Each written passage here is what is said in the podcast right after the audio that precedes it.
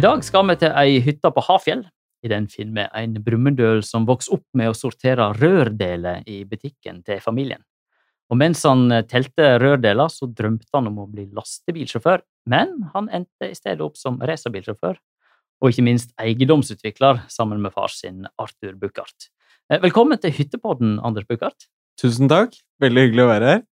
Dette er altså podden for deg som har veldig lyst på hytte, eller som alt har hytte. Jeg heter Magne Vikørn, og når jeg ikke sitter i podstudio, så jobber jeg som kommunikasjonsdirektør i Moelven.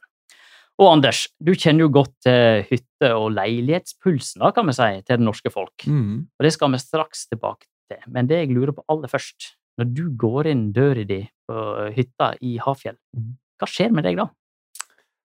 Da Jeg er nok litt annerledes hyttebruker enn de fleste andre, fordi at eh, hytta og omgivelsene der er på en måte en del av jobbhverdagen eh, min. Så mm, eh, da begynner tankene å spinne rundt eh, ideer om nye prosjekter, og ikke minst på Hafjell hva vi kan få til der, og hva vi kan forbedre, og hvordan vi kan gjøre destinasjonen mer eh, attraktiv. Men det er i på en måte andre omgivelser enn hjemme som både gir en annen ro, en annen puls, og, og kanskje derigjennom mer kreativitet òg. Så litt sånn uh, workshop med deg sjøl? Ja, det, det vil jeg absolutt si. For da er jeg på en måte i de omgivelsene som jeg liker å virke i, da. Og utvikle og prøve å skape og få til nye ting. Hvis du skal beskrive hytta di litt, helt enkelt og greit, hvordan ville du ha gjort det? Du, den er veldig tradisjonell. Den er 20 år gammel. Eh, Det var den gangen eh, laft var nesten det eneste man tenkte på når det gjaldt eh, hytte. Eller i hvert fall hvis man skulle bygge ny hytte. Så det er en tradisjonell eh, lafthytte som er eh, helt eh, grei, god standard med de fasilitetene man gjerne ønsker seg nå, nå til dags. Det, det er behagelig. Og den er funksjonell, men ikke noe overdådig eller noe som helst sånn. Kort vei til skiløypa? Kort vei til skiløypa. Både for nedoverski og bortoverski. Og for eh, leik i snøen med ungene. Så det er akkurat sånn det skal være. Får du brukt eh, hytta mye, da? Eh, ja, men det, var, det varierer litt, for det er jo gjerne familieprogrammet som avgjør. Og jeg har et par eh, sønner som er fryktelig aktive på, når det gjelder idrett, så da er det gjerne treninger og turneringer og renn og sånt noe som, eh, som bestemmer. Men eh, vi, det er jo det naturlige tilholdet i i alle ferier og, og i helgene i løpet av vinterhalvåret. Så prøver vi alltid å være der på sommeren og på høsten, for det er også fine tider å oppleve fjellet. Så um, absolutt, uh, vi, vi, trives uh, der, og det er det vi på en måte vi er, eller familien er vokst opp med, ungene forbinder med, med ferie og ja, familieliv. Så, så der eh, føler vi oss hjemme. Og selv om du da sitter og slapper av i det som du òg omtaler som egentlig arbeidsplassen din, da, ref at dere har utvikla masse hytteområder, mm. så er jo dette en del av jobben din, som du sier, som leder av AB Invest, sammen med far din Arthur Buchardt. Og dere har jo bygd ut på Hafjell, Gaustatoppen, Kvitfjell og Hemsedal, for, for, å nevne noe. Mm. Men er det Hafjell som er ligger hjertet ditt nærmest, eller hva er du mest stolt av av disse prosjektene? Nei, det er Du kan si det er jo Hafjell jeg har lengst tilknytning til, fordi at der Der var jeg fra Hafjell ble etablert. Men det jeg på en måte fra barndommen forbinder med hyttelivet, det er jo på hyttene til besteforeldrene mine på Sjusjøen. Det er på en måte ordentlig, ordentlig uh, hytte og det tradisjonelle hyttelivet. I forhold til hva jeg er mest uh, stolt av Jeg tror ikke jeg reflekterer så mye over det. Det er gjerne sånn at det siste du har holdt på med, eller det du holder på med her og nå, er det, det du tenker og funderer og engasjerer deg mest i. Og så ser man ikke så mye tilbake, annet enn at man prøver å en gang iblant um, reflektere over hva man har gjort tidligere, hva man uh, kunne ha gjort uh, bedre, hva man da skal ta med seg til neste prosjekt, uh, og optimalisere eller justere eller sånn. og så er det det å skjønne seg på hva som hvordan ting utvikler seg, hvordan folk sine preferanser eh, endrer seg, og ikke minst tør, hvordan, hvilken retning man tror det kommer til å gå i åra som kommer.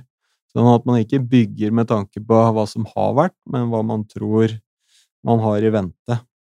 Ja, og da er jo dette med fjelleilighet. Eh, inntrykket mitt er jo at det er noe det blir mer av. En bruker til å fortette hytteområdet. Istedenfor å bygge flere hytter, så blir det en leilighetskompleks på fjellet. Mm. Eh, hvem er kjøperen av disse leilighetene?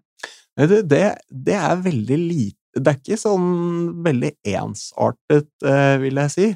Altså, det er alt fra den den uh, unge eller småbarnsfamilien som ønsker å realisere um, fjelldrømmen, uh, hvor, hvor, leilighet gjør det økonomisk mulig, um, mot for kanskje hytte ja, krever mer kapital, i hvert fall sentrale, på sentrale beliggenheter helt til um, gamle ektepar hvor, uh, hvor, hytta har blitt litt mye å holde på med, og som ønsker noe som er på en måte enkelt, og, og hvor ting blir, blir, tatt hånd om. Så, så, vi har kjøpere på en måte hele den uh, rangen der, altså alt fra de yngste til til de aller eldste. Så, um, så det går ikke an å på en måte putte leilighetskjøperne i én bås, vil jeg si. Men det er jo kanskje noen som kjøper en leilighet for, som du var inne på, et eldre ektepar som er egentlig lei av å vedlikeholde kanskje to-tre eiendommer på, mm. uh, på, det meste. Uh, blir en litt latere, velger med leilighet, for det er litt mer jeg tror, Nei, jeg tror ikke nødvendigvis man blir latere, men, men man blir bevisst på hva man vil bruke fritida si på. Uh, og det å drive og skrape og male og holde på, det, det er veldig uh, god avkobling og drømmen for noen, men ikke for alle. Uh, og før så var det kanskje ensbetydende med hyttelivet. Men nå ser man at nå, nå, er det faktisk mulig å velge, velge det bort, og det tror jeg er med på å gjøre eh, livet på fjellet eh, attraktivt for enda flere. Og når de bygger disse leilighetene, så eh, har en sjøl sett på Ilseter at det er jo mye treverk, og det er kanskje litt sånn tradisjonell stil. Hvor mm. viktig er det at dere gir den treopplevelsen eh, i leiligheta? Nei, det mm, eh, Du kan si Det er jo ikke noe det er jo på en måte ikke noe poeng å omgi seg med det samme som du gjør i huset eller leiligheten din til daglig og ha det helt likt på fjellet. Du søker jo en annen opplevelse, andre, andre omgivelser, ikke bare utenfor stuedøra, men også, også innvendig. Og, og det, med, det, med, bygging i tre, det er jo måtte, et viktig element for å skape den, den eh, fjellopplevelsen. Eh, fordi at det er på en måte vårt tradisjonelle eh, byggemateriale, og, og det er i fjellheimen så er det opp gjennom alle tider bare bygd i, i tre. Um, og det på en måte passer uh, naturlig inn, og det er uh, Det er ikke bare for brukeren, men for omgivelsene. Så, så skaper det på en måte et sånn uh, Både et dempet uttrykk. Det, det, på en måte glir godt inn i, inn i naturen eh, og omgivelsene. Men det, men det, skaper også en annen atmosfære innvendig, eh, vil jeg si. Og det går på alt fra akustikk til eh, til eh, hva skal jeg si eh, luftfuktighet, til det visuelle, ikke sant. Det er snakk om vi, vi, vi Totalinntrykket dannes jo av at alle sansene er i bruk, og det er lukt, ikke minst, det er et viktig, viktig element. Og, og tre bidrar også der sånn, og det er hva du ser, og smaker du vel kanskje ikke så mye på hytta, men, men det er ikke langt unna. Så, så, jeg er veldig opptatt av det hvordan alle sansene på, påvirkes av det vi omgir oss med. Og da er jo tre øh, Ja, uten Kan ikke sammenlignes med noe annet. Nei, fordi at uh, vi kjenner jo til at far din er en stor forkjemper for tre, ja. og har jo òg vært med og realisert verdens høyeste trehus uh, i Høsttårnet i Brumunddal, som òg mm. Moelven uh, har vært med på. Mm. Er du like treentusiast? Eh, ja, men kanskje på en litt, eh, litt annen måte. Han, han, har jo vært veldig opptatt av måte, eh, bærekraftsdimensjonen av det, og ikke minst eh, eh vise hva som er mulig eh, rent sånn teknisk å, kunne få til med tre. jeg har kanskje en litt annen innfallsvinkel til det, og det, det er mer med hvordan hvordan brukeropplevelsen blir, og, og, hvor viktig tre er i, er i den for, forbindelse. For man kan Det er jo fascinerende, eksempel med Mjøstårnet, å se at no, noe sånn er mulig. Og det er også med på å skape brukeropplevelse, men, men det er nå tross alt sånn at det kanskje for de fleste koker ned til hvordan du hvordan du har det, liksom, eh, når du sitter der i eh, godstolen og med en bok eller en avis, eller du sitter rundt, eh, rundt middagsbordet. Det er, det er, kanskje til slutt det som teller. Og i, og i den forbindelse så der, Eller der ligger vel kanskje litt mer mitt fokus, da. Men jeg har jo lest og forstått at når du først skal bygge, så er du litt opptatt av det du sier brukeropplevelsen, og da mm nevner du ofte kvalitet. Ja. Det brenner du for. Hvorfor det? Fordi at eh, Og det, det, er, det, er, flere ting. Jeg er jo på en måte litt sånn petimeter. Eh, jeg liker at ting er ordentlig, eh, ser bra ut. Det skal ikke henge og slenge og være liksom slums og sluskete rundt det. Det er på en måte én ting. Og, og og, og, gjennom det så, så, kommer det en sånn der eh, fokus og bevissthet rundt kvalitet. Det er jo hva skal jeg si, ut fra min egen person, men, men kvalitet er på en måte helt avgjørende også ut fra andre dimensjoner. Og, og når vi snakker om Særlig når det gjelder bærekraft, så, så er det mange måter å tenke bærekraft, og det tror jeg vi må gjøre. Det holder ikke bare å tenke liksom eh, CO2, eller bare tenke gjenbruk, eller eh, sånne ting. Eh, jeg tror eh, bevisstheten rundt det å bygge noe som kan stå, eh, stå der lenge, tåle eh, bruk og vær og vind over, over mange årtier, er vel så viktig. Og hvis man da bygger ting ordentlig, med ordentlige materialer, og derigjennom skape god kvalitet, da, så tror jeg at dette Da vil vi få til at det vi bygger, blir mye mer varig. Og varighet er noe, noe jeg er opptatt av.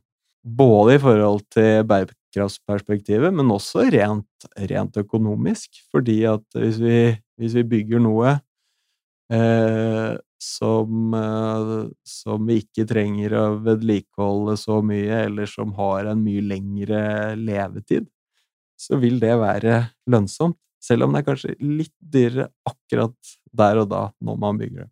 Så du er kanskje litt mer tilhenger av eh, det svenske ordet holdbarhet, da, som er bærekraft på svensk, egentlig? Ja, virkelig. Eh, jeg tror det, det er liksom veldig førende Eh, for hva, hvordan vi tenker og hva vi driver med. Og egentlig lenge før det ble veldig fokus på, på bærekraft.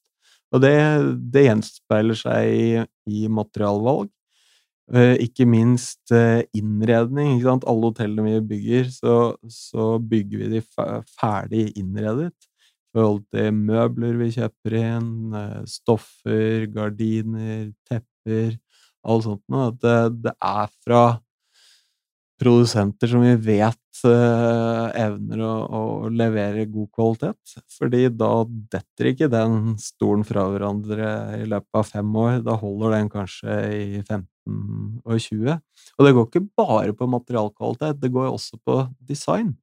At ting ikke går ut på dato designmessig. For, for det hjelper jo ikke hvis den stolen holder i 15 år, men alle syns han er helt utdatert eh, designmessig. og Derfor så, så liker vi å kjøpe inn og, og benytte oss av, av produsenter som, som, har et holdbart design. Det, det kan Ofte så kjøper inn møbler som var designet på 30-tallet, 40-tallet, 50-tallet, og som fortsatt er like populære og aktuelle den dag i dag. For da er sannsynligheten ganske stor for at det, det står seg designmessig også i 20 år til.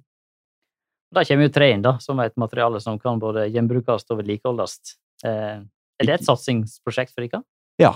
Og så er det Det er ikke bare, ikke bare det med design og det med eh, gjenbruk, men hvis du sitter i en, en uh, ordentlig solid bygd trestol, bare det å ta på den stolen er en, skaper også en brukeropplevelse. Det er noe helt annet enn å, å sitte i en stol lagd av, av, stål, for å si det sånn.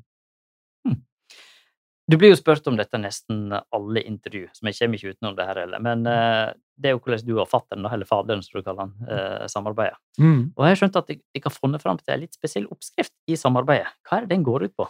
Nei, den, den, er egentlig ganske enkel, men muligens eh, ville vært krevende for, for mange andre. Det, det, går rett og slett på at vi jobber på en måte i, i samme system og er sammen om alt det vi gjør, men allikevel så har vi på en måte en uskreven regel om å ikke blande oss inn i hverandres eh, prosjekter. Og det er jo fordelen med det vi driver med. Det er veldig eh, veldig sånn prosjektbasert. Hadde nok vært annerledes i en produksjonsbedrift, men, men, hos oss er det enkelt å på en måte fordele prosjektene. Enten så er det hans prosjekter, han har alt ansvar, eller så er det mine prosjekter, og jeg har alt ansvar. Og så blir vi da, når vi, vi, vi må jo bli enige sammen da, om vi skal på en måte sette i gang prosjektet eller, eller, ikke. Men når vi har bestemt oss for det, da ser vi på hverandre, og så vet vi cirka hvor mye hver av oss har å gjøre. Og så finner vi ut av om uh, han tar det, eller om jeg tar det. Og når det er bestemt, da sier vi litt sånn på fleip til hverandre at neste gang vi ses, det er på åpningen eller når prosjektet står ferdig. Underforstått, da er det ikke lov for den andre å blande seg inn. Og da unngår vi masse konflikter og diskusjoner. Men det er ikke sånn at vi ikke da kan spørre hverandre underveis om gode innspill eller råd eller noe. Det, det gjør vi jo. Men det er jo ganske imponerende og ære være han at han evner det. Jeg vet ikke om jeg noen gang, hvis jeg kommer i samme situasjon, klarer å ikke blande meg inn, uh, sånn som han har klart. Så litt uh, kudos til fatter'n der? Ja, virkelig. Det står det respekt av. Det tror jeg er de færreste som ville ha klart. Men når du da jobber som eiendomsutvikler, og hvis vi da ser for oss et eller annet prosjekt på fjellet, et mm. leilighetsprosjekt der, hvordan jobber, hvordan er en arbeidsdag for deg hvis du jobber med det? Nei, det er jo det som gjør at jeg føler jeg er verdens heldigste. Eh, for det første at jeg driver med noe jeg, noe jeg bare brenner for og, og, elsker å holde på med, men, men eh, også fordi at det er så utrolig variert. Eh, sånn at en dag kan jo bestå av at du sitter og jobber med en arkitekt til du sitter og drikker kaffe med en grunneier, til at du sitter i eh, møte hos kommunen, til at du prøver å overbevise banken om at dette er et godt prosjekt å låne ut penger til, til du sitter sammen med kunder som du skal prøve å selge det du planlegger til, um, eller at du Eh, det aller beste, det jeg liker aller best, det er å være på byggeplass under når vi er i produksjon. Eh, se at eh, vi ligger, ligger godt an. Eh, at det blir sånn jeg har forestilt meg det. Eh, og, og, hvis jeg ser noe som Her er det et eller annet som ikke stemmer. Kunne fange opp det før det er for seint, før det er liksom ferdig, ferdig bygd. Eller aller helst forutse at det er noe som ikke helt stemmer. Kunne korrigere det, eller kanskje finne forbedringer. At søren, her er et eller annet du ikke helt har tenkt gjennom. Dette her må vi finne en uh, bedre, bedre løsning på. Og ikke minst at For det er ofte sånn i, i, i byggebransjen så er det dessverre litt sånn at ting bare Det bare blei sånn. Mm. Eh, det, det er ikke jeg så glad i. Så det går mye på å prøve å unngå sånne, sånne situasjoner. Og så bruke all den erfaringa man har eh, fra eh, tidligere prosjekter hvor man har gjort feil, eller hvor det er misforståelser eller sånne ting, eh, og fange opp det og kanskje finne bedre løsninger, og ikke minst treffe nye folk som man kan, kan lære av å fange opp nye ideer og Så, så er den derre variasjonen og den kompleksiteten som jeg bare syns er helt fantastisk. Ikke akkurat en åtte til fire-jobb, dette? er det? Nei, men det er noe med at uh, For meg så er dette her på en måte uh, livet. Um, så jeg tenker ikke på det som noe, noe jobb. Det, er, det, er, hobbyen min, det er min fritidsinteresse, det er på en måte min livsstil. Det er uh, det jeg lever og, og ånder for. Og så må man bare prøve å være litt disiplinert, sånn at det ikke tar helt overhånd. Eh, fordi at eh, når, det, når, alt kommer til alt, så er det tross alt de nærmeste du har rundt deg, som er det viktigste. Så, så det er på en måte jobb og det derre skapetrangen der på den ene siden, og så er, så er det familie og unger som på en måte man må sette, ha nok fokus på. Så du klarer å få til, få til den kombinasjonen der, da har jeg et godt liv, i hvert fall. Og de tipsene og tipsene der hadde jo blitt en egen pod-episode, men hvis vi da spoler litt tilbake til introen, så var jo det lastebilsjåfør du drømte om å bli, da. Ja. Angrer, angrer, du på det? Nei, jeg angrer ikke på det, men jeg, jeg tror jeg hadde trivdes uh, med det også. For uh, jeg er jo er vel kanskje uh, Jeg liker å jobbe med folk, jeg liker folk, men jeg trives også godt i eget selskap. så jeg får jo får jo litt den, eh, den, delen også, for jeg kjører jo mye, reiser jo mye rundt. Liker å være ute på pro prosjektene våre, så det blir en del kilometer i, i løpet av året. Nå blir jo ikke kjøretøyet så, så, stort, men jeg får litt den der egentida hvor jeg kan sitte og gruble og tenke og fundere og ja. Så jeg tror lastebilsjåfør hadde vært bra òg, jeg, altså. Men du trives iallfall på asfalten, for uh, vi sa jo det at uh, du ble jo ikke lastebilsjåfør, men du ble racerbilsjåfør. Og nå skal vi være litt disiplinerte, Anders, for ja. vi vet at dette her kan jo fylle kanskje 10-15 sesonger med prat. Klart. Så nå er vi på tampen her. Men vi er litt interessert i at bilkjøring er den store fascinasjonen din. Mm. og det kanskje, det, tenker du på egen, eiendomsutvikling når du ligger og surfer i ja, kanskje 300 km i timen på ei racerbilbane?